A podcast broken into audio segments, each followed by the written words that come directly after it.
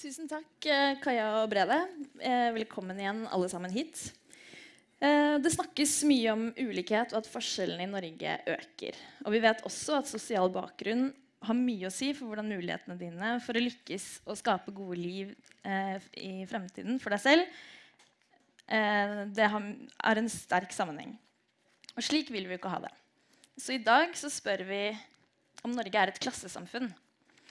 Um, og jeg kan berolige de fleste med å si at jeg tror konklusjonen er ja. Berolige er kanskje misforstå meg rett, men uh, det er vel mange her som har et inntrykk i utgangspunktet, og det er sånn det er. Og hvis svaret på det er ja, hva gjør vi da? Hva betyr det for politikken? Det er spørsmål nummer to. Så til å svare på det første spørsmålet så har vi fått med oss eh, noen som kan dette veldig veldig godt. Professor ved Institutt for sosiologi og samfunnsgeografi, Marianne Nordli Hansen. Postdok ved samme institutt, Magne Flemmen. Og Anders Høylund, som har vokst opp i et arbeiderhjem og har siden han var 19 år jobbet eh, på et trykkeri i Oslo til det ble lagt ned i 2015. I dag så skriver han for lokalavisa Vårt Oslo. Velkommen opp.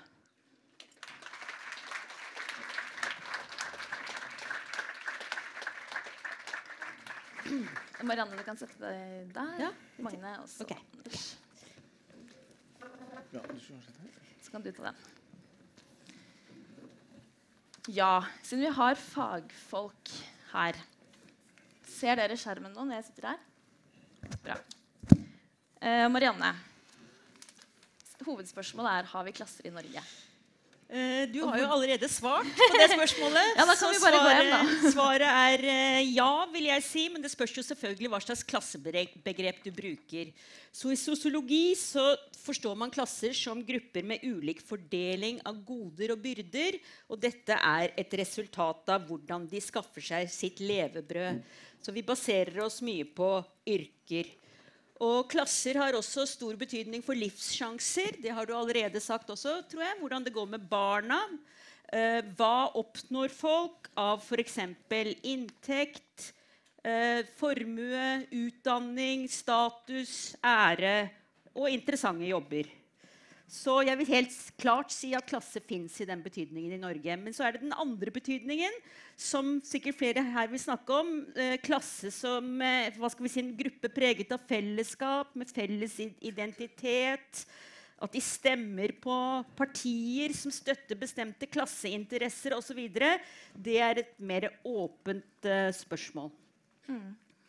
Hvordan, eh, hvordan vet man da at disse klassene er basert på yrke At det er klasser det er snakk om, ikke bare at man har ulike jobber?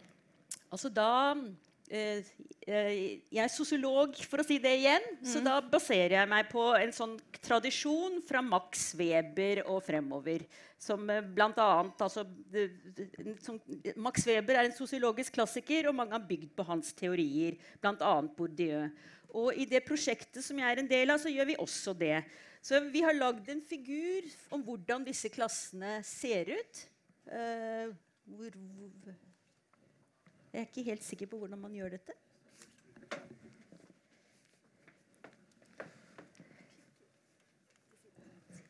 Der. Det er et slags bilde av jeg vet ikke om jeg skal kalle det klassesamfunnet, men i hvert fall et sånt yrkesbasert eh, klassebegrep. Og da skyldes det mellom overklasser, middelklasser, nedre middelklasser og, og nedover til faglært arbeiderklasse, ufaglært arbeiderklasse, assistenter, rengjørere osv. Og så det- til sist de som lever av velferdsoverføringer. Så jo høyere opp man befinner seg i dette kartet eller dette bildet, jo mer ressurser har man. Men man har også ressurser av ulik type. Altså På den høyre siden så har de, man mer økonomiske ressurser enn kulturelle ressurser. På venstre side så har man mer kulturelle ressurser enn økonomiske ressurser. Og i midten så har man en mer sånn balansert eh, kapitalsammensetning eller ressurssammensetning. Så dette er et slags bilde som prøver å gripe både det man kan kalle kulturelle klasseforskjeller og økonomiske klasseforskjeller. Jeg kan også si at uh, hva, altså En viktig begrep her, dette med kulturelle klasseforskjeller, det har jo å gjøre med kulturell kapital eller kulturelle ressurser. Og hva er så det? Det er på den ene siden formelle eksamener fra universiteter og høyskoler. Hvis man f.eks. Eh, er lege, så har man gått på universitetet og fått uh, formelle uh, kvalifikasjoner. Men det er også litt mer uformelle kvalifikasjoner. På det lengst til venstre der så er det f.eks. også kunstnere, regissører Vi kunne si frie intellektuelle. Det kreves ikke spesielle eksamener for å få denne type jobber eller stillinger, men man må ha en slags uformell kulturell kapital, som man ofte får i familien. En slags selvsikkerhet og forskjellig. Og kanskje gjerne sosiale forbindelser. Det man kaller sosial kapital. Mm. Um hva, hvordan gir dette seg utslag i, i Eller hvordan, hvordan, vet man dette? Uh, dette er jo en slags modell som da man bruker til å studere eh, konkrete utfall. Altså hva skjer med folk? Hva skjer f.eks. med folk som vokser opp i disse forskjellige klassene, eller har disse forskjellige klasseposisjonene? Eh, før jeg sier noe, kan jeg også si at dette bildet her det gir også et slags konfliktperspektiv. I denne teorien så, har, eh, så, er det en slags konkurranse eller kamp om å skaffe seg mest mulig ressurser og komme høyest opp i dette klassehierarkiet. Og de på toppen de ønsker å unngå sosial degradering. Altså De vil ikke gå lenger nedover eller havne lenger nedover i klassehierarkiet. Og for å unngå dette så prøver de å, øh, prøver de å ekskludere andre. Og hva slags eh, klasseposisjon man har, den setter rammer for hvilke muligheter man har, og hvilke strategier man velger. Så bare for å være litt mer konkret eh, hva man, hva, hva, hva man tenker på med det, er at f.eks. hvis man har økonomisk kapital, hva gjør man da hvis man vil at barna skal opp og frem? Hva er det man velger å gjøre da, eller hva er det som er, ligger nærest? Det er da å overføre formue, økonomiske ressurser, til barna. Og eh, det er noe som planlegges veldig nøye i rike familier. De har en prosess som foregår over lang tid. Og barn i familier fra den øverste økonomiske overklassen for eksempel, de får gjerne overføring av formue i veldig ung alder. Så når man ser på dem som veldig unge, så er de ofte veldig rike. De som er mer på den venstre siden, hva vil de gjøre? De er selvfølgelig da opptatt av at barna skal få utdanning. De bruker masse forskjellige strategier for å oppnå dette. De skal vinne i skolesystemet, vi skal få best mulig utdanning, de skal gå på de beste skolene og forskjellig sånt noe. Så det er det man gjør på toppen. Også disse middelklassene de ønsker å bevege seg oppover, er tankegangen. Og eh, når de gjør det, så benytter de seg gjerne av de ressursene de har i den klassefraksjonen de tilhører. For hvis man ser på de aller rikeste i Norge, så er mange av dem eh, altså sånne, sånne han, eh, butikkbaroner, eller hva man skal kalle dem, de kommer ofte fra butikk. Altså familien drev butikk, og, og, så, og så investerer de mer og mer. Og så kommer de på toppen i den fraksjonen de tilhører. Det er veldig lite sånn at de som kommer fra akademiske familier, lærebarn eller lignende, går, blir sånne, sånne hva skal vi si, rike kapitalister. Uh, til sist da om arbeiderklassen. Hva gjør de? De har lite ressurser. De eh, taper som regel i denne konkurransen om å komme seg oppover. I den grad de i det hele tatt er med på denne konkurransen. Og så ofte så, så vil man ikke nødvendigvis engang satse mye fordi at man regner med at man vil tape i denne konkurransen. Så jeg lurer på også om jeg skal vise noen utfall som vi har studert, for å være enda mer litt konkret. Uh, altså dette er som sagt da en idé om at her er det en konkurranse som de med mest ressurser har mest sannsynlighet for å vinne. Hvordan ser man så dette? Dette er f.eks. Eh, skolekarakterer. Grunnskolepoeng etter klassebakgrunn. Og I dette bildet her så er det sånn at det er forskjeller både horisontale og vertikale, sånn som vi så. Så på de gule det er da over, de som kommer fra overklassen. Og de som har mest kapital, kulturell kapital, de får høyest karakterer. Og så kommer de med balansert kapital, og ned, ned, den siste gule der er de fra den økonomiske overklassen. De får litt dårligere karakterer. Eh, den blå, den neste søylene, det er da øvre middelklasse. Akkurat de samme forskjellene finner vi der også. Den lilla det er lavere middelklasse. Akkurat sånne forskjeller finner vi der også. Så kommer vi til faglærtarbeidere. Den grønne de får litt høyere karakterer enn barn av ufaglærtarbeidere. Og aller nederst så er det de som har foreldre som lever av overføringer. Så de får dårligst karakterer. Dette bildet her kan man finne igjen i alle mulige årskull. Det er et, eh, hva skal vi si, så, så, så, dette er hva man skulle forvente på bakgrunn av dette kartet jeg viste, eller dette bildet. Og akkurat det finner vi igjen med, med skoleprestasjoner. Altså de som har mest kulturelle ressurser, de får de høyeste karakterene. Neste bilde det er da andel med mastergrad etter klassebakgrunn. Her har jeg også prøvd å vise endring over tid. Og det er, eh, er 28-åringer i 1981 til 2013. Og den blå linjen det er de fra, som kommer fra overklassekultur. Den brune linjen er de som kommer fra overklasseøkonomi. og den grå linjen er de som fra, har foreldre som er ufaglærte arbeidere. Så det man i hvert fall kan si eh, som har skjedd i løpet av denne perioden, er at det er veldig økning i disse linjene her. Det er også litt økning blant barn av ufaglærte arbeidere, men man vil ikke si at det er en dramatisk endring. Det er også sånn at de som kommer fra kulturoverklassen, eh, er på topp.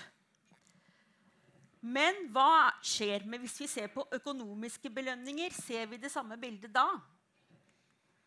Her er formue i alderen 18-25 år etter foreldrenes klasse.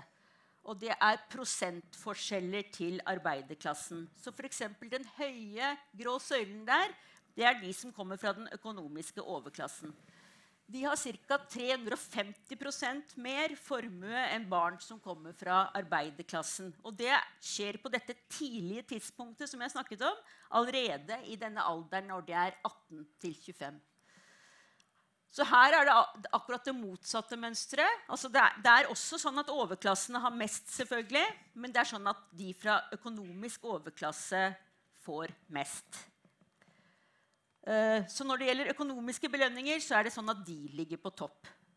Det siste bildet jeg skal vise, skal vi bare vise, jeg skal ikke se så veldig nøye på det, men det er også noe om endring over tid. Det er formue ved alder 40, og det viser en forskjell til arbeiderklassen. Og da er det sånn at Over tid så har disse formuesforskjellene økt.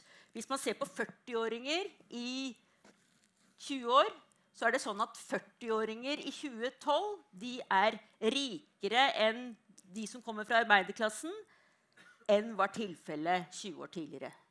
Så jeg vil si bare, Dette er da bare noen argumenter for at dette, disse forskjellene som vi, eh, altså, som vi etter teorien skal finne, de finner man i veldig stor grad. Og disse bildene, eller disse figurene jeg har vist, de baserer seg på data fra hele den norske befolkningen over alle disse årene. Takk. Eh, Magne, du har sett litt på hvilke utslag det gir. Du skal også vise oss eh, noen eh... Ja, altså Du kan si at de figurene som Marianne viser her, de viser jo at klasseskillene de nedfeller seg i veldig kan man si, håndgripelige forskjeller i det vi sosiologer vil kalle livssjanser. Altså hva slags mulighet har du i livet til å realisere de ønskene du måtte ha? Hvilke muligheter har du til å sikre barna dine en eller annen form for suksess, enten det er økonomisk eller gjennom utdanningssystemet? Og dette kan vi vise på flere andre ting enn det Marianne hadde oppe her, med, med overføring av gaver og arv, eller formue eller skoleprestasjoner. Men noe annet som, er, som jeg tror kan vise litt måte, hvordan hvor dypt dette med klasse sitter, det er at disse erfaringene med å ha ulike typer ressurser og med å leve i så ulike omstendigheter, det nedfeller seg i ganske fundamentale ting ved hvordan man er. kan man si.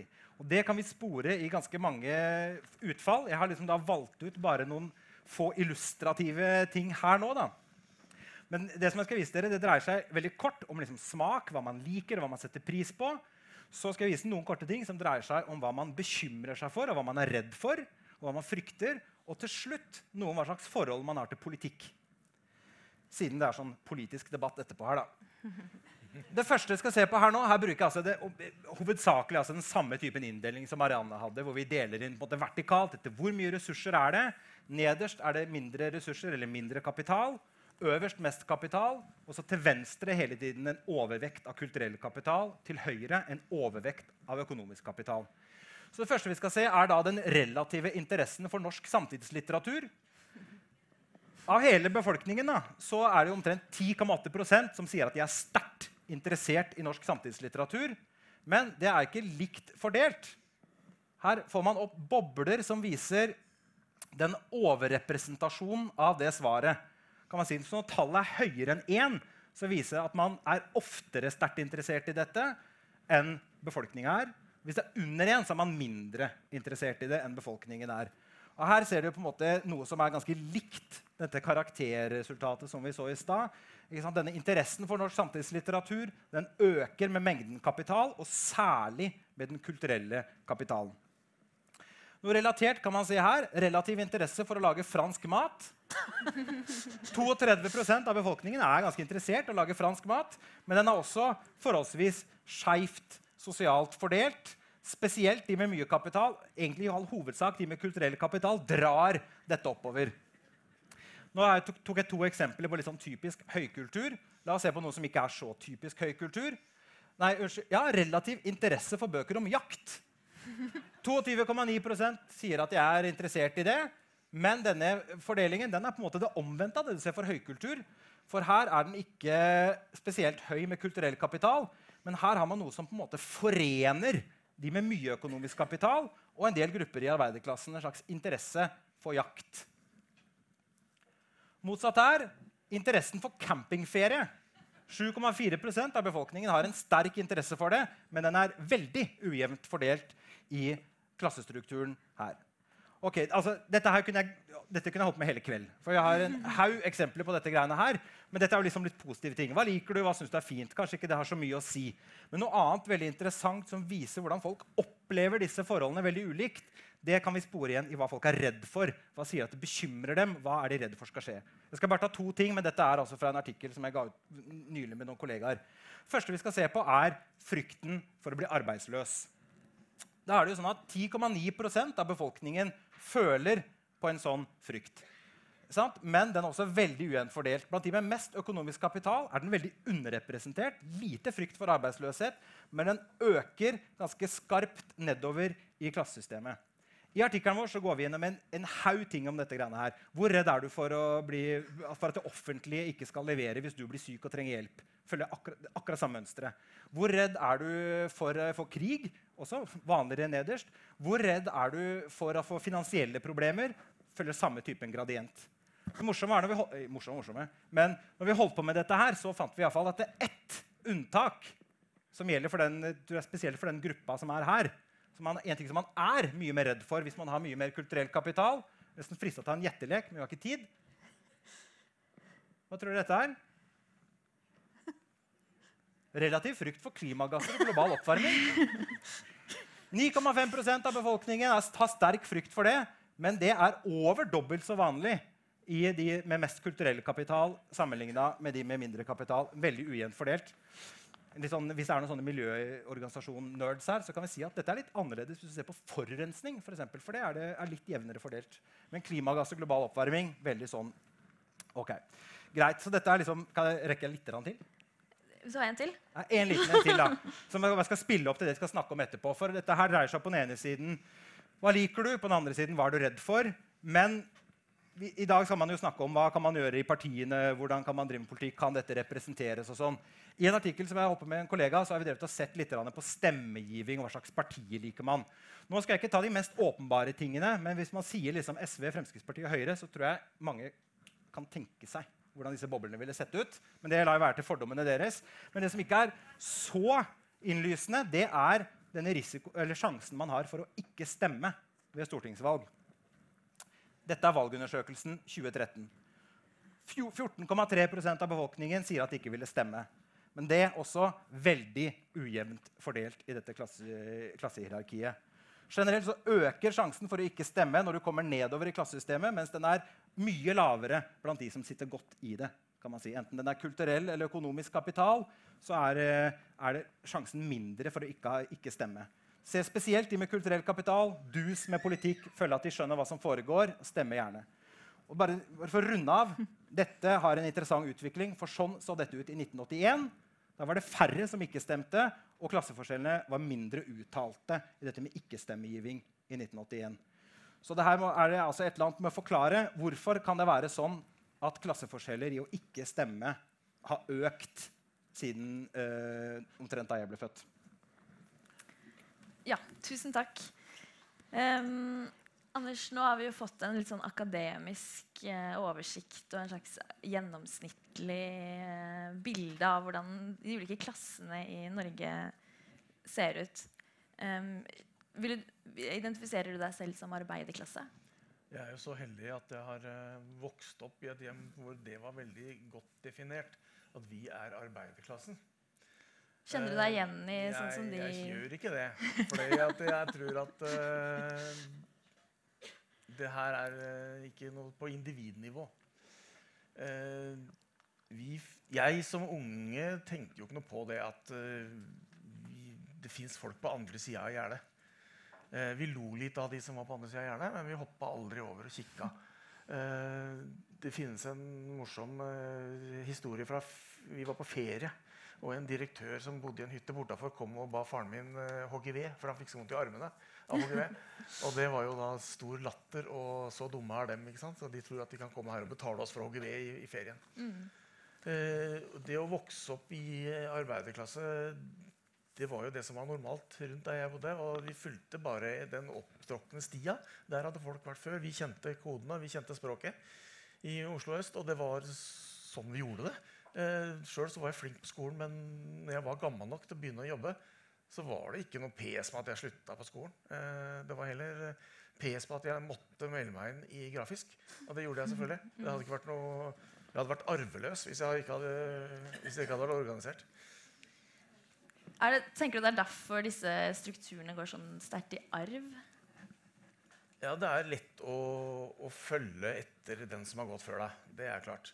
Og så har det Jeg jobba på trykkeri, og der var det mange unge eh, som jobba noen måneder, noen uker kanskje, som var, av, eh, som sto, var høyere opp på den økonomiske biten eh, som eh, Marianne viste her. Og for dem så var det ikke noe alternativ å stoppe der. De skulle videre. Og det var liksom vedtatt. Men for meg så var ikke det noe, noe mål å komme videre der.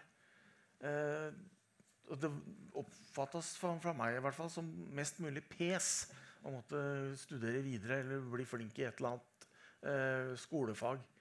Eh, det var ikke meg. Jeg skulle jobbe, jeg. Marianne, du snakker om en, at det er en konkurranse på en måte, om å komme oppover.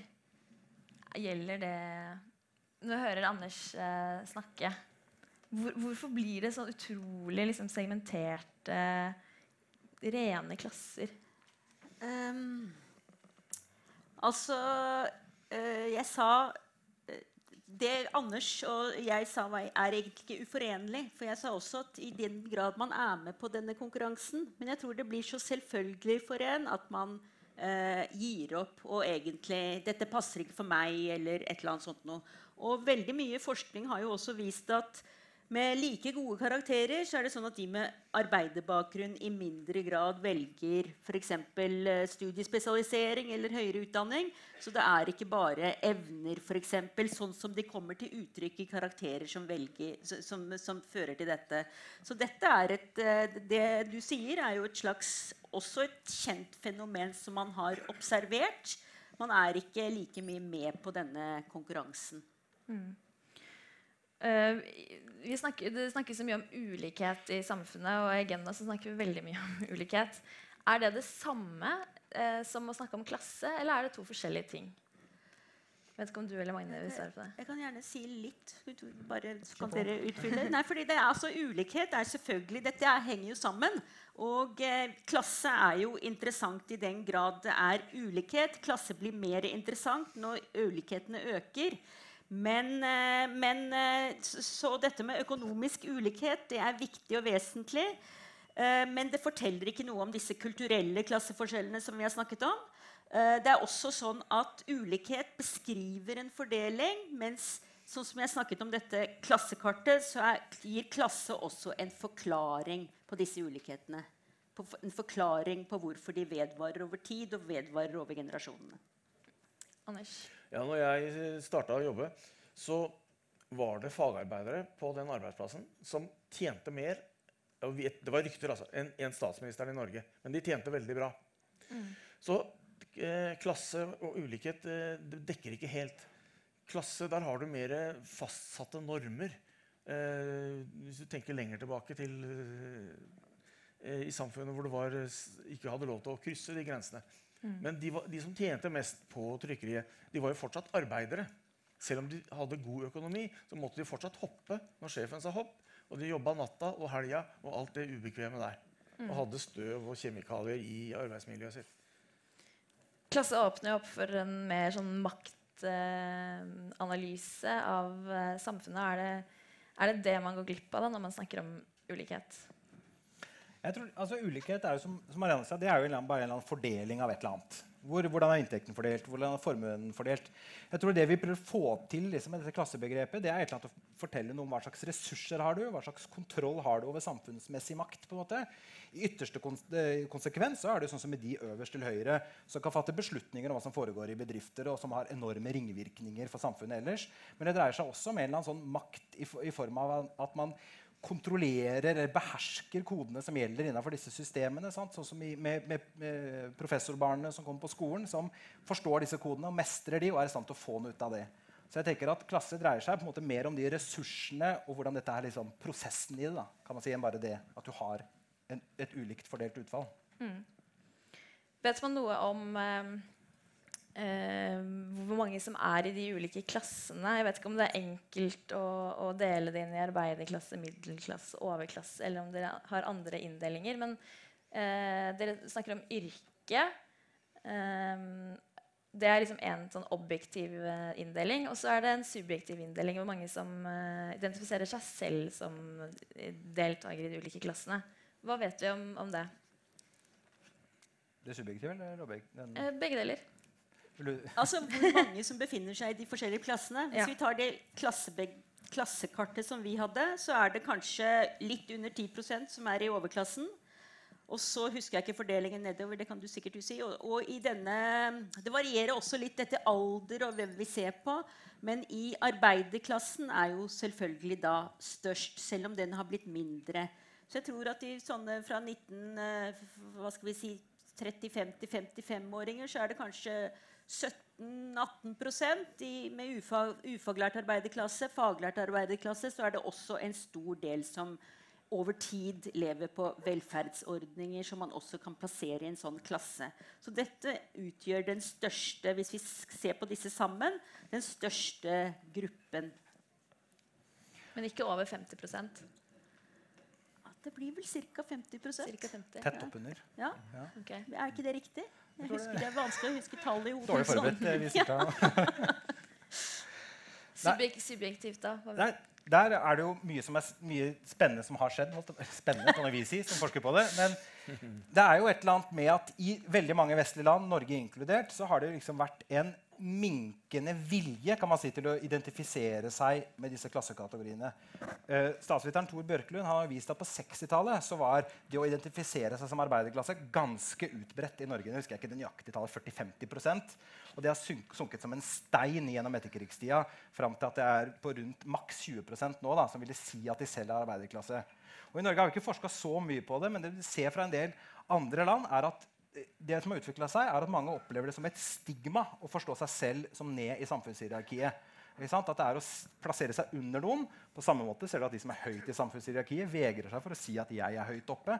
Så alle liksom vil presentere seg selv som litt vanlig, kan du si. Og der er, skjer det et eller annet med at eller Hvis man skal spekulere litt, så ville, man, ville jeg liksom tenkt at på et tidspunkt i norske samfunnshistorie og mange vestlige samfunnshistorie så ble det bygd en, en sånn fortelling om en positiv identitet da, knytta til dette med å være arbeiderklasse, som jeg tror alle de eh, sentrale aktørene gikk bort ifra sånn i kjølvannet av andre verdenskrig.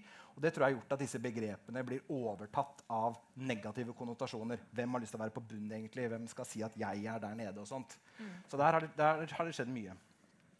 Har du også merka det, Anders? Er det forskjellen fra når du var ung og nå? Ja, selvfølgelig. arbeiderklasse? Det er jo også, og bare ordet mm. arbeiderklasse. Da ser du Carl Jeppesen og gjengen hans i svart-hvitt-bilde med fillete skjorte, sot i ansiktet. Og den, den arbeideren der fins ikke lenger, i hvert fall ikke i Oslo.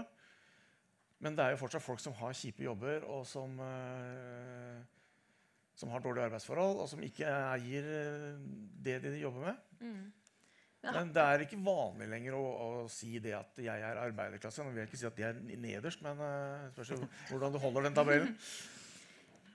Ja, Hvem som er i arbeiderklassen og hvilke yrker de har, vel endret seg. Det kan vi si litt om etterpå, kanskje. Men Uh, opplever du at uh, det, det, blir litt stigmatisert å være i arbeiderklassen? Man snakker om liksom, brexit og Trump, så er det sånn sinte hvite menn da, som blir plassert i den klassen. Er det Nei, det, jeg tenker, og dette er bare personlige tanker, at de som eh, stemte på Trump og, og brexit, de virrer rundt i et, uh, i et univers uten politikk, egentlig.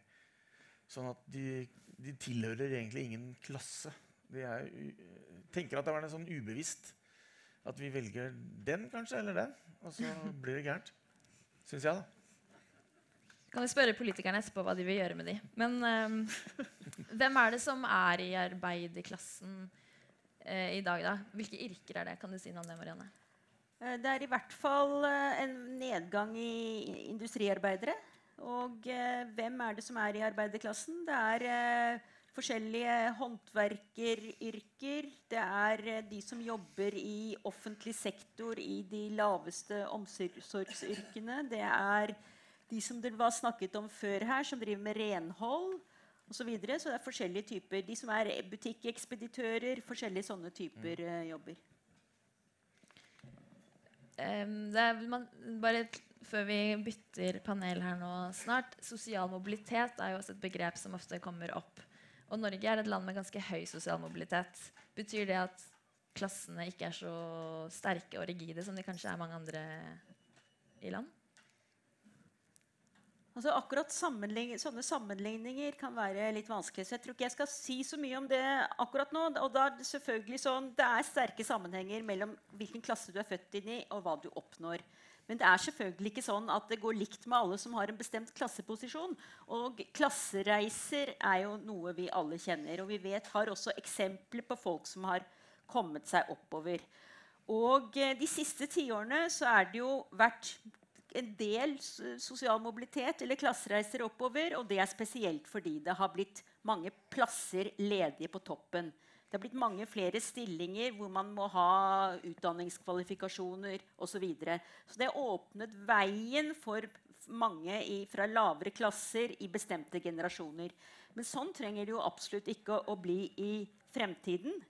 Så, så, så jeg vil si eh, altså, Ja, det er en del sosial mobilitet, men jeg vil si at hovedbildet er at det er sterke sammenhenger. Og igjen, hvorfor er det sånne sammenhenger? Da er ideen at de som befinner seg på toppen, de har mer ressurser de kan bruke. De, har, de kan bruke eiendommen sin. Eh, de kan de, til, til, å ta viktige avgjørelser, bestemme hvem de vil ansette, og hvor mye de skal få i lønn. De kan, eh, altså, de, de kan bruke utdanningen sin og sørge for at barna deres får eh, utdanningskredensialer eller eksamener. Og eh, de kan sørge for at barna blir, får en bestemt væremåte som er spesielt populær i bestemte sektorer. Og så kan de gi barna eh, altså De kan bruke sosiale forbindelser eller sosial kapital. Og for eksempel, hvis man ser på politikk, så kan det jo se ut til at uh, sosiale forbindelser er veldig viktig i den sektoren.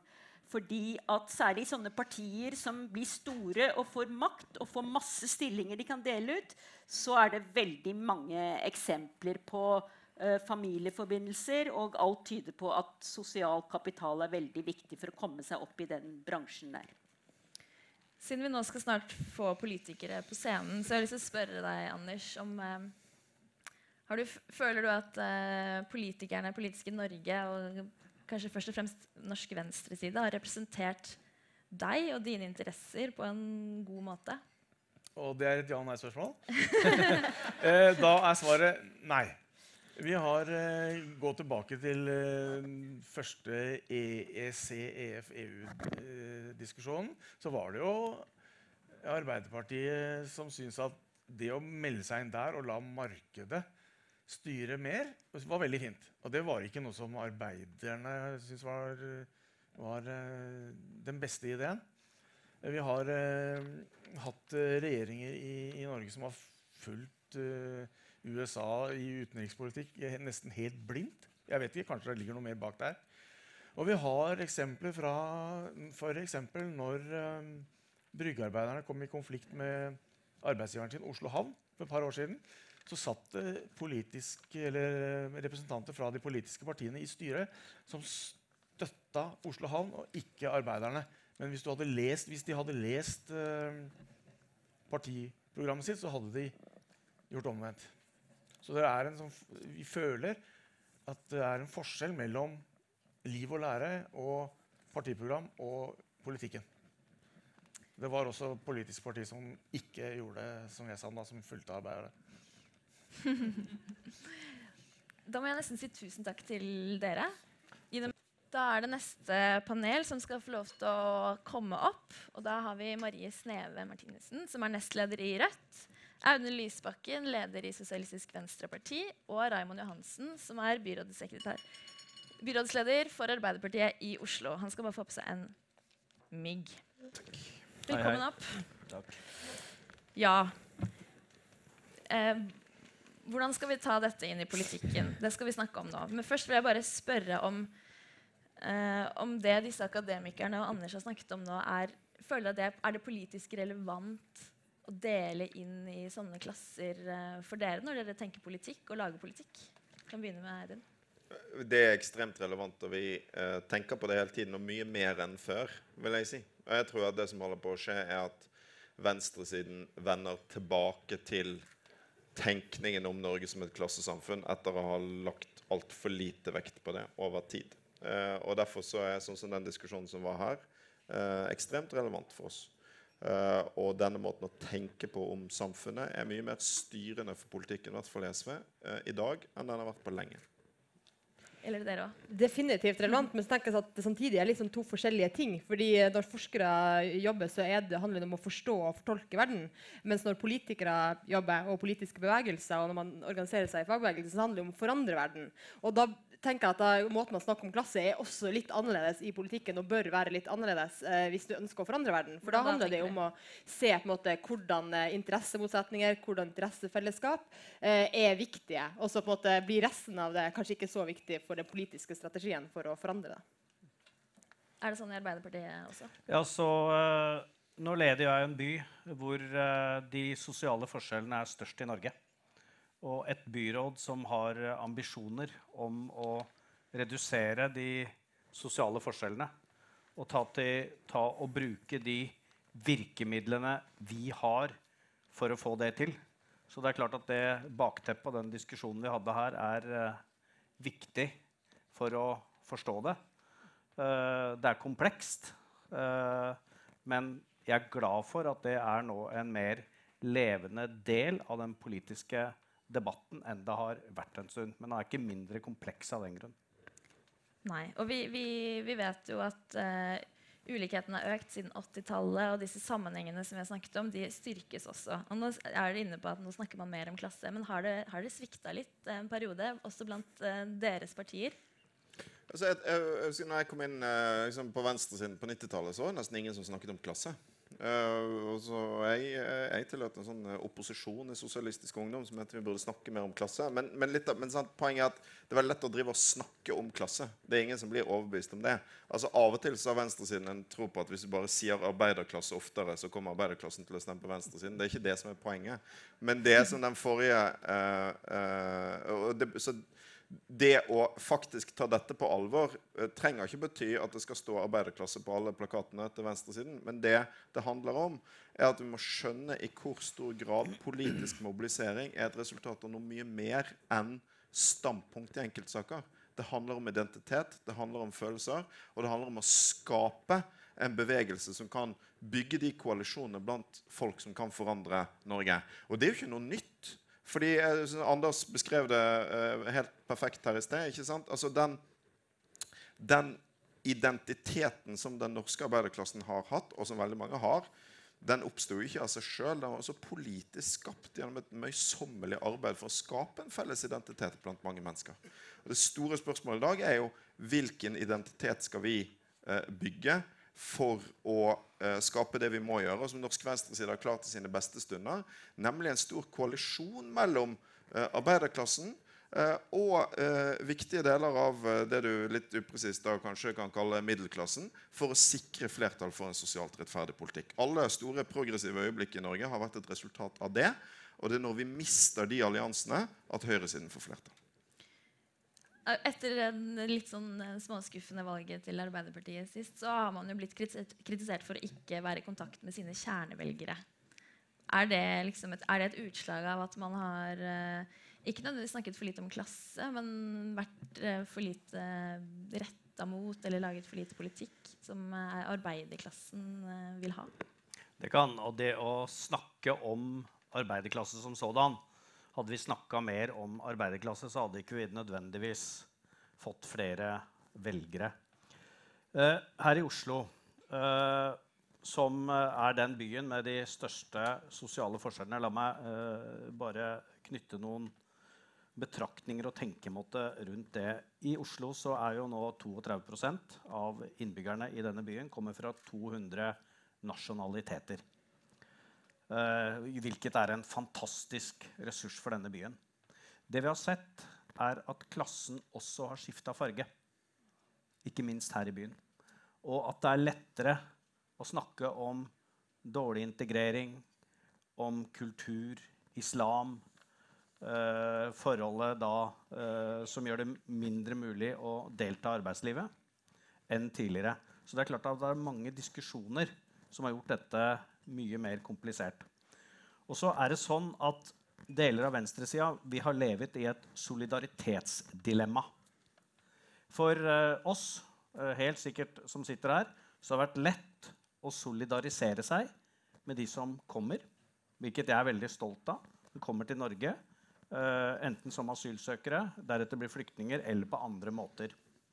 Så ser vi at de konkurrerer om jobber bor på steder hvor det er den tradisjonelle, hvite arbeiderklassen som skal håndtere det.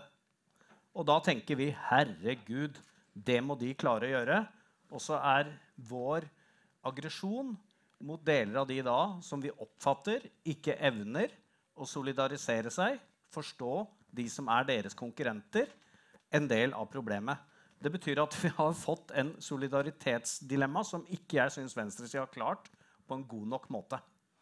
Uh, og det jobber vi med uh, veldig mye her i, i byen. For dette henger også klasse det, Å gjøre noe med dette henger på gjennom mange måter. Som jeg opplevde at dere var inne på, så er jo skolesystemet fører ofte til en reprodusering av den sosiale lagdelinga i samfunnet. Det er helt åpenbart. Og da må vi gjøre det vi kan allerede da. Uh, og det gjør vi med uh, tidlig innsats, skoler, muligheten til å kvalifisere til jobb.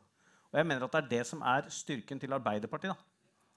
Det er først og fremst at det er arbeidslinja, deltakelse i samfunnet, som er den beste måten komme ut av fattigdom, muligheten til å kunne klare seg sjøl. Mm. Så om vi ikke fikk fram det godt nok i valget, så mener jeg at det er det som skal være bærende. Tilrettelegge for at alle skal ha de samme mulighetene til å leve forskjellige liv. Men ikke snakk nødvendigvis mer om klasse. sånn sett. Ja, kommer, altså er, ja, gjerne mer om sosiale forskjeller og klasse. Ikke noe problem med det. Jeg har bodd hele mitt liv i Groruddalen. Jeg kan og kommer fra den tradisjonelle arbeiderklassen. Jeg lukter det, jeg kan det, jeg kjenner det, akkurat som du gjør, på hva som er klasse. Men samtidig så veit jeg det, at alle har ambisjoner på vegne av sine unger. Og hvis vi da går inn i en politisk linje hvor vi tror at det, er, at det dreier seg om sosiale overføringer, så gjør vi arbeiderklassen en tjeneste, og vi flytter oss lenger fra det enn hvis vi snakker om muligheten for deltakelse. tenker du, Marie? Ja, jeg, tenker, jeg vil eh, måte ikke hoppe så fort over det med på fortida. For jeg tenker at eh, de plansjene vi fikk se her med utviklinga i hvordan forskjellene har økt, de er vi på en måte nødt til å ta inn over oss at verden går i feil retning. Eh, og vi er på en måte nødt til å starte med å innse det og prøve å spørre oss hvordan det har blitt sånn. Og da mener jeg at ja, venstresida har på mange måter svikta i klassespørsmål eller i ulikhetsspørsmål. Altså, Enten så har man, man har både ikke klart å gjøre tingene man kan når man har vært i posisjon, og så har man kanskje ikke klart å gjøre tingene man skal for å komme i posisjon. Eh, og jeg mener at Det er viktig at vi forholder oss til. Og da I klassespørsmål så er det jo litt sånn, Vi snakker bestandig om sånn klasse mot arbeiderklasse, men de som ikke har glemt klassepolitikken, er jo overklassen. Altså, de har ikke glemt eh, klasseskillene og har glemt, ikke glemt klasseinteressene. De har jobba på for skattekutt, de har jobba på for å svekke arbeidsmiljøloven, for å gjøre det mulig å få inn eh, bemanningsbyrå eller bruke vikarbyrå.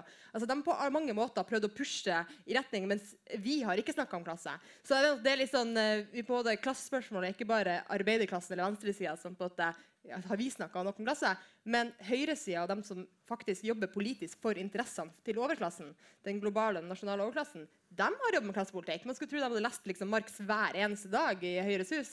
Eh, kan godt være at de gjør det også. Eh, og de har pusha på og fått gjennom politikk som har eh, svekka makta til vanlige folk og styrka makta til eiere, bedriftseiere eller kapitalister, hvis vi vil kalle det men vil det, hvis Magne sa det er 20 cirka, som, seg, som vil snakke om seg selv som arbeiderklasse 20% på, del, på del, dere tre partiene jo, det blir ikke noe fest av det.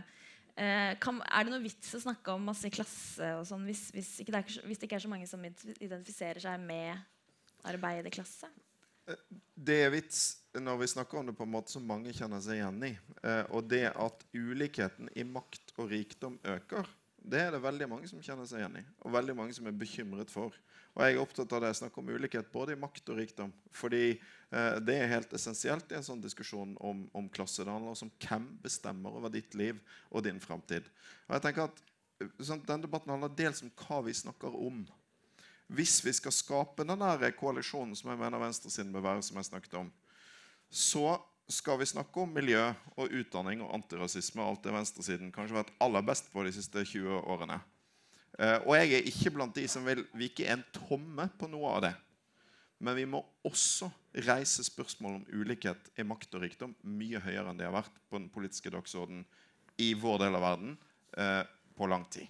Uh, og det SV sitt slagord for de neste årene er for de mange, ikke de få. Det er et forsøk på å bygge en identitet og en, vise en ambisjon rundt hva slags prosjekt for fordeling vi skal ha. Men så er jo hva du snakker om, én ting, men det andre er jo hva du står for. Sant? Vi må ha en politikk som understreker og viser at det fins forskjeller mellom de politiske alternativene. Og Det mener jeg til syvende og sist kanskje er hovedproblemet de siste, de siste tiårene. At altfor ofte og Her er det jo en forskjell på venstresiden. Så har Arbeiderpartiet uh, uh, og sosialdemokrater over hele Europa styrt etter en økonomisk politikk som har utvisket de forskjellene. Ta, ta tre eksempler fra norsk politikk. Altså EØS-avtalen, som jeg mener eh, har vært og er en avtale som i veldig stor grad eh, bidrar til å forandre norsk arbeidsliv uten at det var et tydelig nok premiss eh, den gangen både Arbeiderpartiet og LO-ledelsen sa ja til det. Pensjonsreformen, som altså gir oss et pensjonssystem som nettopp for de klassiske arbeideryrkene er dønn usosialt, som gjør at en ung fagarbeider i dag kan sitte igjen med under halvparten av inntekten sin i fremtiden. Og frislipp av bemanningsbyråer på 2000-tallet, som har hatt en dramatisk effekt for arbeidslivet for mange av de vi snakker om nå. Et grunnleggende problem det kan vi ikke komme bort fra, er at det var ikke bare Høyre som gikk inn for det, men også store deler av venstresiden. Uh, og hvis ikke vi står for noe helt annet i den økonomiske politikken, så kan vi heller ikke forvente at folk opplever det sånn. Bare ikke gi helt slipp på dette med identitet og hvordan man oppfatter seg selv. Eh, det finnes jo tall på hvem velgerne deres er. Og SV så har det under 20 er, er arbeiderklasse som stemmer på, på, SV. Så er det nærmere 30 i Arbeiderpartiet og litt over 20 i Rødt. Og så er det Frp, så er det nesten halvparten av deres velgere er arbeiderklasse. Um, hva, hva, gjør, hva, gjør man, hva, gjør, man, med det hvis man er dere? Snakker man da enda mer om innvandring, eller snakker man enda mer om klasse? Maria? Spørsmål. Eh, er det her liksom subjektiv eller objektiv klassebegrep eh, du bruker? Det, Fordi dette er, det er nett, eller bare det, det kan begge ikke deler, hva, hva er, men det er nettopp det som er poenget. da, at eh, hvis du, som for forskerne var inne på her tidligere, Anders også var inne på det, at eh, hvis du ser for deg arbeiderklasse som en hvit mann med hjelm, så er det ikke så mange av dem i Norge. Uh, men dette var objektiv du, ja, men, men ja, så det er poenget at det har noe til å si. Eh, hvordan man eh, liksom ser for seg hva arbeiderklassen er. Men så har det også om hvordan ting vi snakker om. og Det er derfor jeg mener at det er litt forskjell på, på en måte, en sånn eh, forskningsbasert eh, klassedefinisjon og det som kanskje er liksom, den politisk relevante klassedefinisjonen. Fordi eh, Hvis vi snakker om disse interessemotsetningene i samfunnet mellom dem som lever av å eie og dem som lever av å jobbe, så er det mange fellessaker som man kanskje For sånn 10-20 år siden så ville man sagt at en, ja, en, en kunstner eller en som er, har høy utdanning og sånt, da, har veldig ulikt liv enn en som er, er bygningsarbeider. Men i dag så mener jeg faktisk at man i mye større grad har felles interesser. fordi sånne ting som å ikke kunne få seg fast jobb, ikke kunne ta boliglån, planlegge hva du skal gjøre til neste år, om du skal få unger eller om du skal tørre å kjøpe leilighet i Oslo, alle de tingene der er ikke lenger sånn eh, det er en mye mye større del av befolkninga enn det som man kanskje i liksom forskningspapirer bruker som arbeiderklasse, som opplever det. Eh, prekariatet som et begrep som gjelder både liksom kulturarbeidere og si, kanskje deg, eh, men i hvert fall meg når jeg begynte å jobbe i staten. Så er det liksom eh, midlertidig stilling i staten. Eh, det, sånn var det ikke for 20-30 år siden, men sånn er det i dag. Og jeg mener at de, de spørsmålene som da blir viktige, er de spørsmålene som eh, som, vi, som bygger det fellesskapet som eh, folk som lever av å jobbe, har i lag. Eh, vi ønsker gode rettigheter på arbeidsplassen, vi ønsker faste stillinger, vi ønsker å kunne vite når vi skal jobbe, og også eh, å ha en forutsigbarhet. Og de tingene der de går på en måte eh, sikkert langt opp i det som man da kan kalle middelklassen, men er likevel eh, ekstremt relevant for veldig mange. Det, er, ikke noe konkurranse med Frp, mener du sånn sett, da, med de eh, arbeiderklassevelgerne? Eller? Det, ja. det, er jo, altså, så klart Konkurransepolitikk handler på en måte om, om en konkurranse, om å prøve ja, å vise at politikken man har, er viktig. og eh, Her er jo på en måte eh, Frp eh, vært utrolig god på det som egentlig mange snakker om. altså Den på en måte kulturelle, smaksmessige eh, måten å snakke til eller om arbeiderklassen. Mens politikken er jo ikke politikk som eh, styrker interessene til arbeiderklassen. Det er jo kutt i formuesskatten. Eh, og da har jo vi på venstresida vært altfor dårlige til å få fram de argumentene når vi da diskuterer med Frp. Eksempel.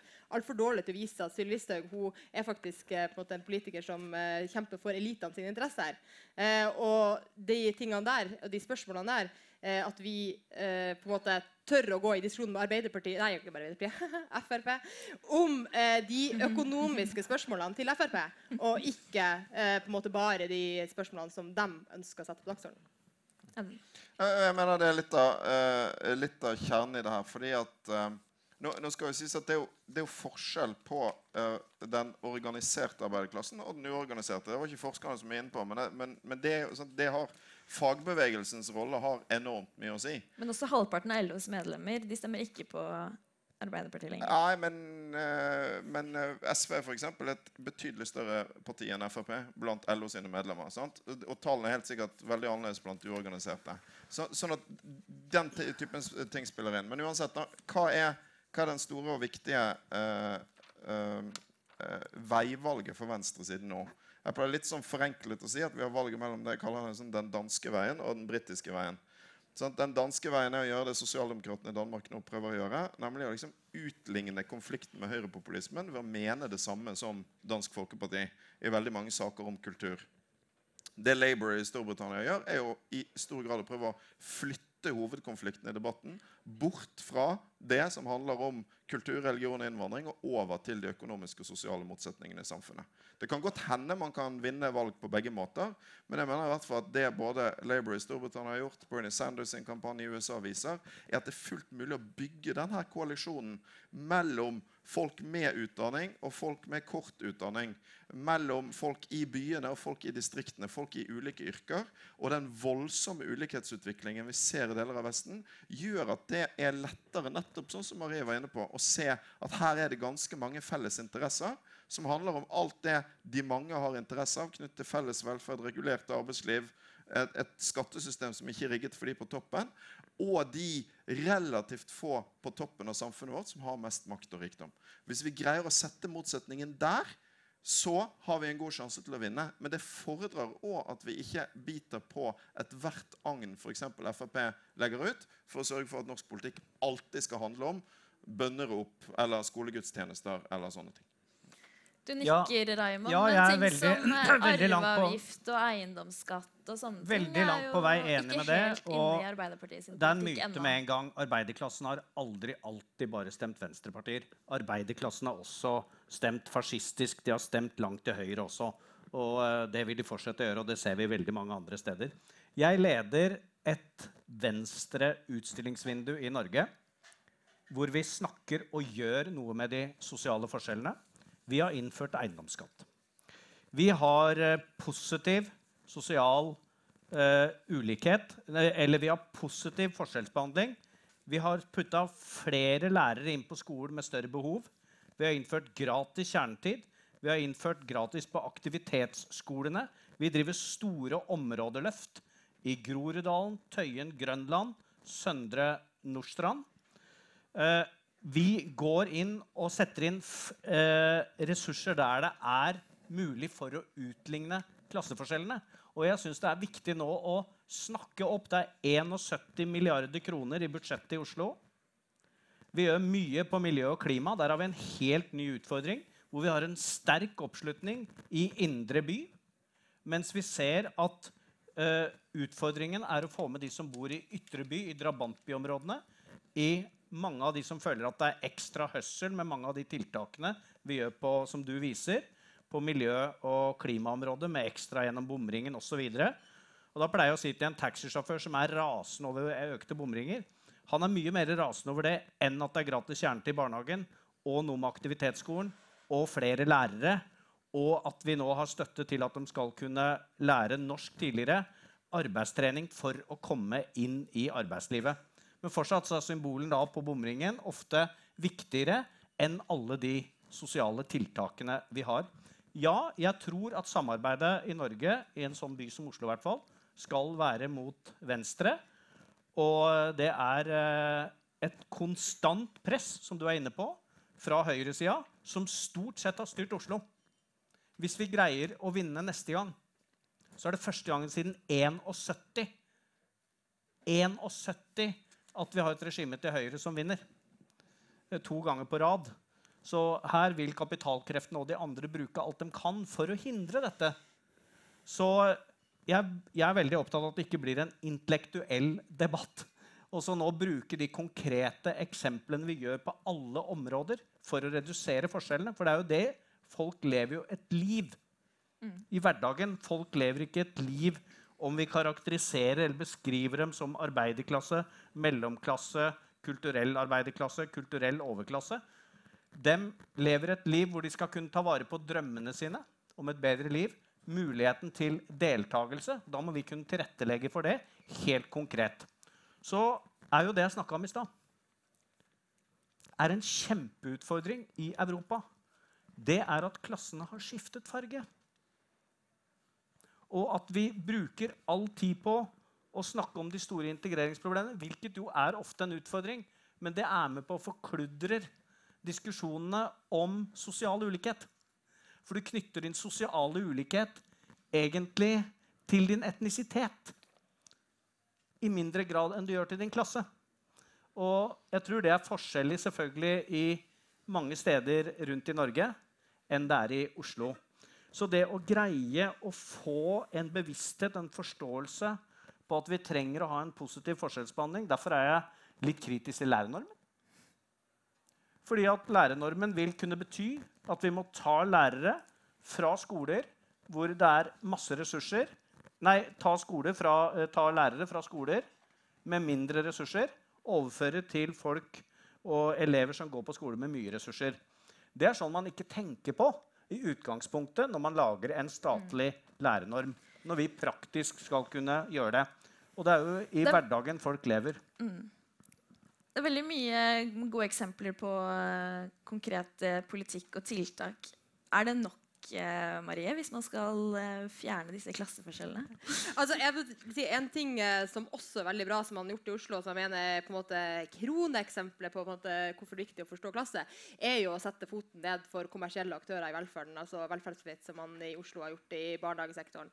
Eh, og grunnen til at det, på å si, klasse kommer inn der, er jo på en måte at du er nødt til å skjønne at eh, det er ikke tilfeldigheter eller liksom en hype eller en trend eller sånt som gjør at det plutselig er masse kommersielle interesser i velferden. Det er fordi det er kapitalinteresser som ønsker eh, et sted å plassere pengene sine, fordi det er ikke så mange andre plasser i verden å plassere pengene sine. Eh, og det går utover arbeidsplasser som i veldig stor grad er kvinnedominert. For det er sant at arbeidsklassen har skifta farge, men at mange måter også skifta, eller i hvert fall blitt mer, blitt mer to kjønn enn enn den var tidligere. Og det er på en måte jeg synes måte det å stoppe uh, profitt i velferden er et veldig viktig sak der du både kan måte ha klasseperspektivet og kjønnsperspektivet, eh, samtidig som du eh, forsvarer måte de skattepengene og den felles velferden som vi har.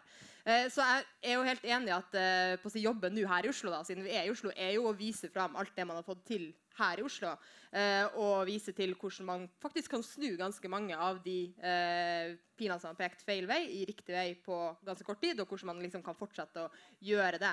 Men så tenker jeg at eh, veien videre må jo bestå i å gjøre en del en måte, andre og større grep. Og da tror jeg ikke vi kommer utenom å se litt på oss sjøl, på hvem vi er, og hvem vi er som er her. Hvem vi representerer. Fordi eh, når det var liksom Magne som hadde disse smaksbarometerne, så er liksom greia Man får litt lyst til å ha sånn en øvelse. ok, Hvis vi skal snakke til de største på delen av Norge, så må vi ikke, ja, ikke lage fransk mat, og så må vi på en måte ikke like samtidslitteratur. Eller liksom, jeg begynner å få en øvelse at jeg prøver å liksom forandre meg sjøl. Eh, ikke så glad i fransk mat, men ganske glad i samtidslitteratur. Eh, men det er jo ikke den måten man gjør det på. Eh, man kan ikke på en måte eh, skifte, skifte klær for å prøve å snakke med andre. Man må jo se på hvem man er, og hvem partiet er, og hvem partiet klarer å organisere. Eh, og der mener jeg at det har veldig mye å si hvem vi har som tillitsvalgte i partiet vårt, hvem vi har som medlem i partiet vårt. Og det er noe vi jobber veldig mye med i Rødt for tida.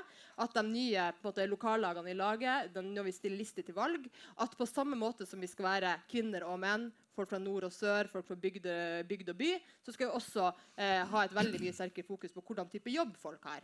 Eh, og hvordan, de, på en måte, hvordan interesser de representerer. fordi da kan de bringe de spørsmålene inn i politikken. Ikke at jeg som er utdanna økonom fra universitetet skal si eh, hvis jeg bare tar på meg litt mindre hipsteraktige klær, så klarer jeg liksom det. Eh, det funker ikke. Audun, du snakker om at man skal klare å kombinere da, på en måte den arbeiderklassen og den litt mer sånn utdanna middelklassen som veldig mange av velgerne til eh, SV er. Eh, og, når, og når Magne viser disse kartene sine, så er det jo veldig stor forskjell da, i, i smak og interesser. Hvordan, hvordan skal du klare det? Hva er liksom strategien for det? Jeg, jeg tror det handler om å eh, føre en politisk samtale som legger vekt på det som samler ulike grupper. Hva er det? Det tror jeg eh, mer og mer er behovet for å bekjempe den økende ulikheten i makt og rikdom som rammer mange, både som ikke er opptatt av fransk mat, og er opptatt av fransk mat. Og den utviklingen kommer til å tilta i årene som kommer. eh, hvis ikke vi eh, får til en annen politisk kurs. Eh, og det er det som ligger i det her med eh, en politikk for de mange og ikke de få på toppen. Altså Vi er nødt til å klare å skape en hovedkonflikt i norsk politikk som ikke handler om kultur, innvandring og religion, men som handler om økonomi, om velferd, om arbeidsliv. Det er fullt mulig. Og så tror jeg at en del av det, og det er jeg helt enig med Raymond i, det er, en, et, et, det er viktig å skille mellom forskerne sin jobb og politikerne sin jobb. Fordi eh, den forskningen som blir lagt fram her, er ekstremt eh, nyttig mener jeg, for oss. Samtidig så kan ikke vi snakke på den måten. Altså Det er veldig mange gode eksempler på at eh, venstresiden opp gjennom tiden har snakket om arbeiderklassen på en ekstremt akademisk måte. Som jo er en, eh, en enorm selvmotsigelse og veldig lite effektivt. Ja. Så vi må finne en måte å snakke på som når mange. Men det aller viktigste til syvende og sist igjen er hva snakker vi om. Vi må reise disse økonomiske og sosiale spørsmålene som veldig mange er opptatt av, til toppen av dagsordenen. Det innebærer også iblant som jeg sa i sted, at en del ting vi ikke trenger å snakke så mye om. Og så bare understreke siden Arbeidsmannsforbundet var med å, å, å organisere dette. For vi er også ja, vi er et parti med mange velgere med høy utdanning. Eh, og vi er ikke for mange av de. Jeg er stolt av hver eneste en. Vil ha flere. Men vi er også et parti med sterk, eh, sterke røtter i, i fagbevegelsen. Og I de fleste LO-styrer rundt om i landet så sitter det en eller to eller tre SV-ere og litt flere Arbeiderparti-folk og en og annen fra Rødt. ikke sant? Nå var det til og med SV-erne i styret i LO i Nord-Rogaland som stemte for at Hadia Tajik skulle få lov å holde 1. mai-tale. Uh, men, men, poenget er ikke sant? Altså, det er, sant? Vi får aldri til heller det uh, Marie beskrev, uten at vi bidrar til at fagbevegelsen styrkes. Det kommer det, det, er ingen sterkere eh, stemme og vei til politisk makt for arbeidsfolk enn den fagbevegelsen representerer. Og Det òg er en helt avgjørende ting for venstresiden. Legge enda større vekt på den alliansebyggingen med fagbevegelsen. Og Det er noe som har blitt veldig sterkt opprioritert i SV i de årene jeg har ledet SV, men det skal være kursen eh, i framtiden. Marie? Ja, jeg tror En ting som, eh, som jeg syns vi må snakke mer om, og som jeg personlig snakker helt sjukt mye om for tida, eh, det er eh, hvordan verdier skapes og fordeles. Og det er litt sånn, eh, kan virke av og til som å tenke at eh, politikken eh, så holder vi på med på måte, offentlige budsjetter, skattepenger, liksom, og så fordeler vi det liksom, til folk. Mens det som, handler, det som skjer i på måte, privat produksjons bedrift. Det er liksom litt utafor politikken. Eh, det er jeg uenig i, og siden jeg er økonom, så er jeg veldig opptatt av, av sånne spørsmål. Eh, og jeg tenker at eh, det å tørre å snakke om at de som jobber i kassa på Rema 1000 eh, de har ikke hatt lønnsvekst eh, de siste ti årene, mens de som eier Rema 1000, de er av de aller rikeste i Norge. Når man ser på de rikeste i Norge, så er det dagligvare, det er hotell og restaurant, og det er oppdrett. Eh, og det er yrker der det er folk som har lav lønn eh, mye ufaglærte arbeidere, eh, som har stått i ro i lønnsutviklinga kjempelenge. Eh, og i tillegg så er det, hvis man skal se litt sånn her, på et økonomisk teori på det, det er på en måte eh, jobber du ikke kan outsource. Så det er på en måte ikke jobber som du kan si sånn eh, altså Det må være butikk i Norge. Eh, den butikken må du ha i Norge, så det er ikke noe vanskelig eller noe genialt i å lage butikk. Reitan har ikke liksom funnet opp kreftmedisin som har redda oss alle, lagd verdens beste poplåt. Det er ingenting sånn fantastisk i det. Eh, men likevel så er de så enormt rike. Og de tingene der, det er litt sånn som jeg føler at eh, eller i hvert, fall, i hvert fall på Stortinget som har begynte å henge i siste, så snakker man ikke så mange ting, mye om det. For det er på en måte ikke politikk. Det er liksom næringsliv. Eh, og for meg så er det i veldig veldig stor grad politikk, og noe vi i veldig stor grad er nødt til å snakke om. Fordi de verdiene der eh, som skapes, og som er litt sånn eh, kanskje oppleves som gammeldags marxistisk ting å snakke om, men det er høyst reelt i Norge i dag i store grupper uh, som jobber. At man, man, skaper verdier rett og slett for noen andre. Og noen av dem som har aller mest makt i Norge over arbeidsplasser.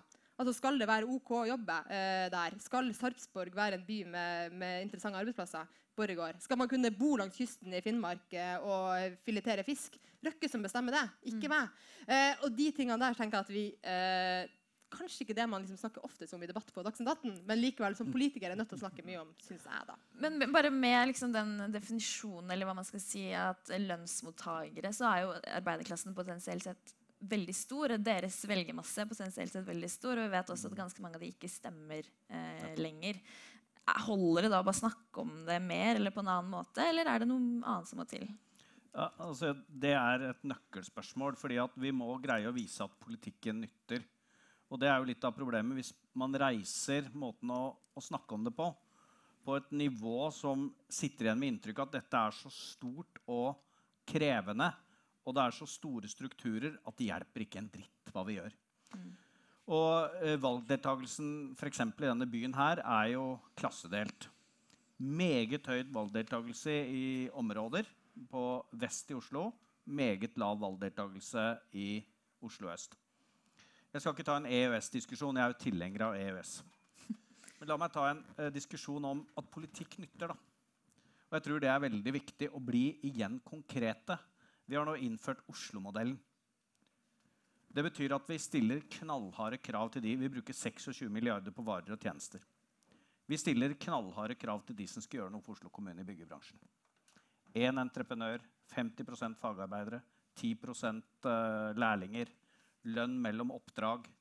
eh, bare eh, elektronisk, ikke cash-betaling, kontroll ute på byggeplassene. Du må vise at politikk dreier seg om noe helt konkret.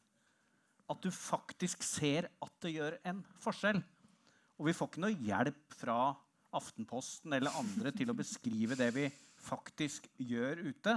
Og derfor mener jeg sånn, Det er så farlige deler av EØS-diskusjonen som sådan. Hvis, den, og hvis det greier det på en klok måte knyttet til sosiale utfordringer. Men det må ikke bli presentert på en måte som gjør at det fratar oss et ansvar. Det er noen andre som skal fikse det. Vi greier å fikse en masse sjøl. Det er faktisk viktig å gå og stemme.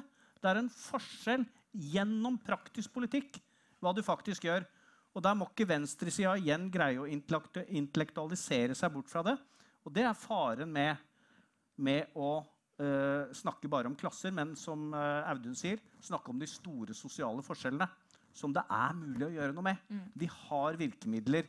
Og da må vi begynne å snakke om det og utfordre på hvorfor vil de andre faktisk ikke følge opp og gjøre noe med de virkemidlene vi har. Marie og Audun. Ja, Politikk eh, virker definitivt. Og det som også virker, er å organisere seg eh, i fagbevegelsen. Og eh, det føler jeg nesten litt sånn eh, ja, da jeg var yngre og ikke så klok som jeg er blitt nå, så tenkte jeg liksom litt at det der med sånn tariffavtale og organisere seg og streik, det, det tok dem eh, forrige generasjon. Og nå eh, har vi andre utfordringer å jobbe med. Eh, det er jo ikke tilfellet. Det å organisere seg for å kreve tariffavtale er liksom definitivt noe man er nødt til å gjøre eh, fortsatt. Og eh, Stockflat, som er en kaffebar eh, som man har sett rundt omkring i Norge, der har flere filialer nå nylig siste halve året fått tariffavtale. Eh, det å gjøre sånne ting, det å skjønne at eh, det er du sjøl som på en eller annen måte, når du da jobber på Stockflest, er nødt til å organisere og få tariffavtale der. På Elkjøp på, Nedre Romerike så har vi en lokallagsleder som har vært med å få til tariffavtale der. På et sånt callsenter i Sarpsborg, nok en gang, favorittby å henvise til. Eh, altså, den slags bevegelsen for å måte, organisere seg, at det er nytte, og at, uh, man kan, at man må kjempe for å få disse tariffavtalene, det er ikke noe som på en måte ligger der. Eh, det er noe som nytter òg. Er altså, Hva som er politikk og hva som er organisering og fagbevegelsen, at det er det som er venstresidens prosjekt, er i hvert fall helt klart. Men, altså, jeg, jeg, tror det er to uh, stikkord her. Det er tydelighet og det er konflikt. For Hvis du skal mobilisere, hvis vi for skal greie å vinne Oslo en gang til, da, for da må vi, da må vi ha høyere valgdeltakelse på Holmlia og Romsås, og ikke bare på Slemdal, for å si det enkelt. ikke sant? Da uh, er det tydelighet og konflikt som er, er nøkkelen. Jeg, for det, det som er det fantastiske som skjer i Oslo nå, er jo nettopp at når du har et flertall som tør å stå for noe tydelig, da kan du vise at politikk gir resultater. Så vil valget selvfølgelig neste å vise om vi klarer å mobilisere på det. Men det i hvert fall noe som det virkelig går an å sende masse folk ut i krigen og være ordentlig stolt av. Det vil jo jeg, Dette skal Raymond slippe å kommentere, men det er jo for, forskjellen på Oslo nå og min hjemby, Bergen. Jeg, jeg pleier å si til Harald Schjelderup at man burde være mer som Raymond. Jo, men fordi, noe, jo, fordi Der skjer det ikke så mye eh, etter at Arbeiderpartiet og sentrum gikk i byråd sammen. I Oslo skjer det veldig mye. Uh, og, og, det jo, og, det er jo, nettopp det som er Det er jo litt tilbake til det jeg sa i begynnelsen. Venstresiden har ingen sjanse hvis ikke vi står for noe som er helt annerledes enn det høyresiden står for. Så det, det er noe av det første. Men det andre er at vi må òg være villige til å dyrke de riktige konfliktene i politikken. Jeg, jeg snakker og skriver en del om, om, uh, om, den økonomiske eliten. Og om hvordan ekstrem rikdom er et samfunnsproblem, for det samler så mye makt på få hender. Og Det er noe av det vi ser også i de landene der ulikheten har kommet lenger, og som vi risikerer å se i Norge, at de som faktisk har tjent seg veldig rike på den norske sosialdemokratiske modellen For ironien er at i et samfunn som har satset så mye på velferd og fellesskap, og sånn, så har kunnet, mange kunnet bli veldig rike. Vi har flere superrike per innbygger enn USA har. Mm. Fordi vi har en mer vellykket økonomisk modell. Men det som skjer nå, er jo at de på toppen vender seg mot den modellen. Ikke sant? At De driver jo en form for omvendt klassekamp i mye større grad. Og Hvis ikke vi er villige til å påpeke det, Uh, og, hvis ikke, og, hvis venstresiden beveger seg bare rundt i den kosekonsensusen som mange vil gjøre norsk politikk til, og ikke er villig til å polarisere langs de aksene som handler om økonomi, ja, da blir det bare Frp igjen da, som, uh, som, som viser fram noen konflikter for de i samfunnet som faktisk er bekymret for, for framtiden. Og jeg, for jeg hører av og til folk si at vi må ikke snakke om elite og må ikke skape for mye konflikt. og sånn, Men jo, vi må faktisk også det. Uh, og uh, Konfliktene i dette samfunnet de handler til syvende og sist om fordelingen av makt og rikdom. Det handler ikke om hva du tror på, eller hvordan du kler deg, eller hva slags bakgrunn du har. Det er det Vi må få de riktige konfliktene til å dominere politikken. Det er den store oppgaven for venstresiden. Skal Arbeiderpartiet også snakke mer om eh, konflikt? Snakke om konflikt, eller finne eller, denne eh, konflikten og rette politikken sin mot den, eller er det Altså, ja, gjerne det. Du tenker nå på å inngå kompromisser og øh, Er det der du er, eller? Ja, vi, kanskje. altså, jeg er jo så enkel at jeg mener at vi skal være for det vi er for, og mot det vi er mot. Uh, og jeg er sykt lei av all taktikkeri. Jeg har drevet med politikk altfor lenge. Og du har nødt til å være tydelig på hva du faktisk vil. Og det kan være at du må inngå et kompromiss, og da skal du si grunnen til du skal gjøre det. Men i ettertid å skape et inntrykk av at du ikke skulle inngå av andre taktiske grunner, så skulle du ikke gjort det, det liker jeg ikke. Du skal være real og si at ja, jeg inngikk det kompromisset for å oppnå det. Uh, og tydeligheten i politikken dreier seg om evnen og ønsket om å representere noen og være nær de du skal representere. Fordi vi har en kjempeklassemessig utfordring. At mange ser på oss som sitter her, som politikerklassen. Uh, og stadig flere rundt i mange land har fjerna seg fra de man skal representere. Og det i seg sjøl er da et problem for å få folk til å tro på hva du skal si. Så uh, det å ha nærhet, vise at du faktisk representerer noen, ta konflikter hvor det er nødvendig, være enig når det er nødvendig. Folk liker jo at du søker å høre på det. Til og med en, en som kommer fra en annen side, fra Høyre, kan jeg si du verden, det var en god idé. Den veien stenger vi istedenfor den. Du ser hvor langt jeg er villig til å strekke meg. Uh, jo, men det er liksom litt i det for å gjenvinne tillit. Fordi vi har en utrolig utfordring nå i mange av de uh, demokratiske landene at oppslutningen og forståelse av deltakelse og demokrati svekkes ganske kraftig. Og øh, det må vi greie å gjøre noe gjennom en, øh, en tydelighet. En, og en tydelighet som ikke er sånn Sylvi Listhaug-enkeltydelighet. At det har blitt en sånn jeg sier, Hun sier det mange tenker, og blir premiert i ettertid. Du verden, hun tør. Hun er tydelig. Og så sier hun mot ja, ja, nå er du politisk korrekt. Selv er jeg godt plassert på venstresiden og som litt sånn småbekymra innimellom. Men etter å ha hørt på dere nå, så tenker jeg sånn ah, dette skal gå bra. Det er sagt veldig mye klokt og bra, syns jeg. Men det er jo ikke bare bare. Det virker litt vanskelig også. Jeg tror vi må ta en liten avslutningsrunde, for klokka nærmer seg syv. Hvor dere liksom kan reflektere litt rundt eh, Hvordan skal dere liksom få det til? Altså for det første mener jeg, uh, jeg sagt, vi, vi, må stå for et politisk prosjekt for de mange ikke de få. Vi må vise fram en tydelighet, og vi må vise fram hvilke konflikter som gjelder i samfunnet. For det er, ikke sant, altså, i, i, og det er akkurat som Raymond var inne på det, sånn, Hvem er det som er eliten i det samfunnet her? Altså Fremskrittspartiet har greid å spre en historie om at eliten det er en sånn bibliotekar som er for å hjelpe flyktninger. Ikke sant? Uh, eller så er det liksom eh, Og Olav Thon han er en veldig folkelig kar. Ja.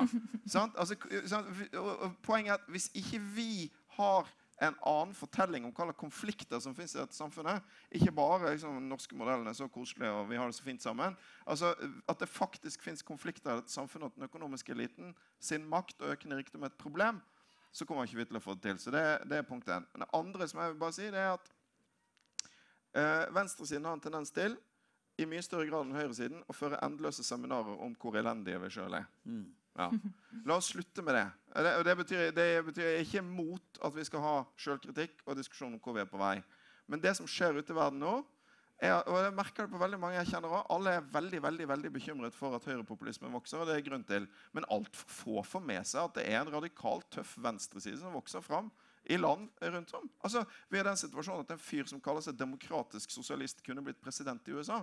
Det er jo helt vilt bra. Ikke sant? Sånn at Det er masse framtid for venstresiden. Masse håp, masse som skjer.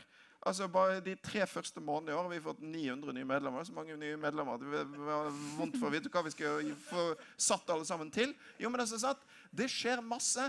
Så det er punkt én. Slutt å snakke ned oss sjøl. Selv. Selvfølgelig er det masse utfordringer, selvfølgelig blir det dritvanskelig, men det er jammen meg mulig. Ja. veldig bra.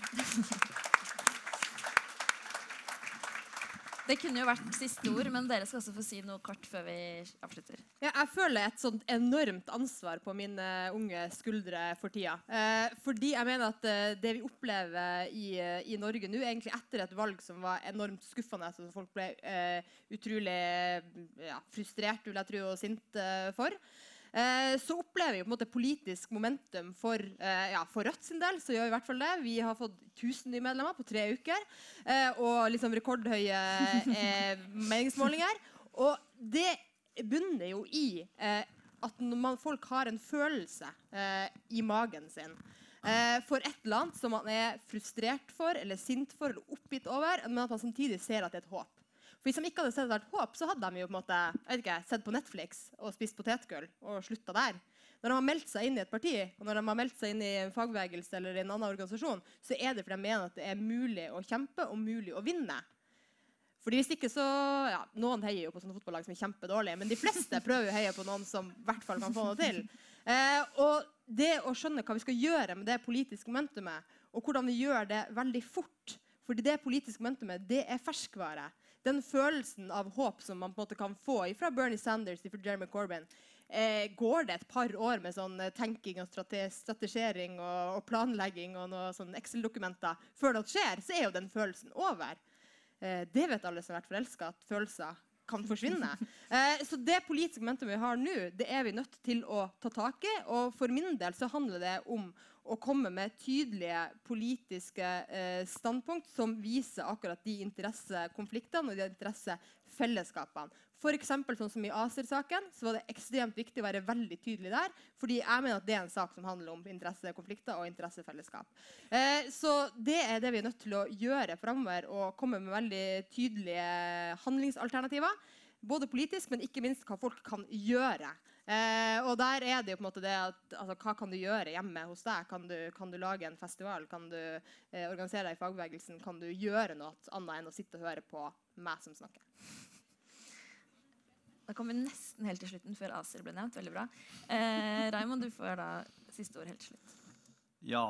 Jeg kan vel ikke si at vi har fått 10 000 nye medlemmer den siste tida. eh, men jeg vil bare det er klart Sosialdemokratiet også i Norge har utfordringer for øyeblikket. Og det er jo gledelig at uh, for så vidt både for Rødt og SV at de vokser. Men hvis Arbeiderpartiet går mye tilbake, uh, så får dere ikke brukt makta deres til noe. Uh, så vi er helt avhengig av et sterkt Arbeiderparti for å få til, få til endring, få en ny regjering, greie å gjenvelges i de store byene. Eh, det skal vi klare gjennom eh, tydelighet, gjennom samarbeid. Enkelte steder er det veldig naturlig å samarbeide med Senterpartiet, konkurrere med Senterpartiet. Eh, for Oslo Arbeiderpartis del er vi veldig fornøyd med det samarbeidet vi har med SV og MDG, og også at vi har en avtale med Rødt. Den vil jeg anbefale for mange andre byer, for det, for det tror jeg er fornuftig. Og viljen og evnen til å snakke om folks hverdagsproblemer. fordi jeg tror at folk flest må sitte igjen med følelsen av at, han, at politikerne som snakker, forstår hvordan jeg lever, og hvordan jeg har det. Uh, og det ser jeg på som en utfordring hver eneste dag. Greier vi det som venstreside? At folk sier at ja, han Audun han skjønner hvordan jeg har det. Han skjønner hvordan jeg tenker. Og uh, hvilke problemer han har. Og han kommer til og med med noen forslag til løsninger. Da har vi kommet et stykke på vei men der har vi faktisk eh, ganske langt igjen. Så eh, vi håper på samling på venstresida for å få eh, vippa denne regjeringen etter hvert. Men først nå må vi gjenvinne alle de kommunene vi har vunnet. Så får vi ha en vareopptelling etter det. Tusen takk. Da er det bare get to work. Tusen takk for at dere kom, og tusen takk til dere.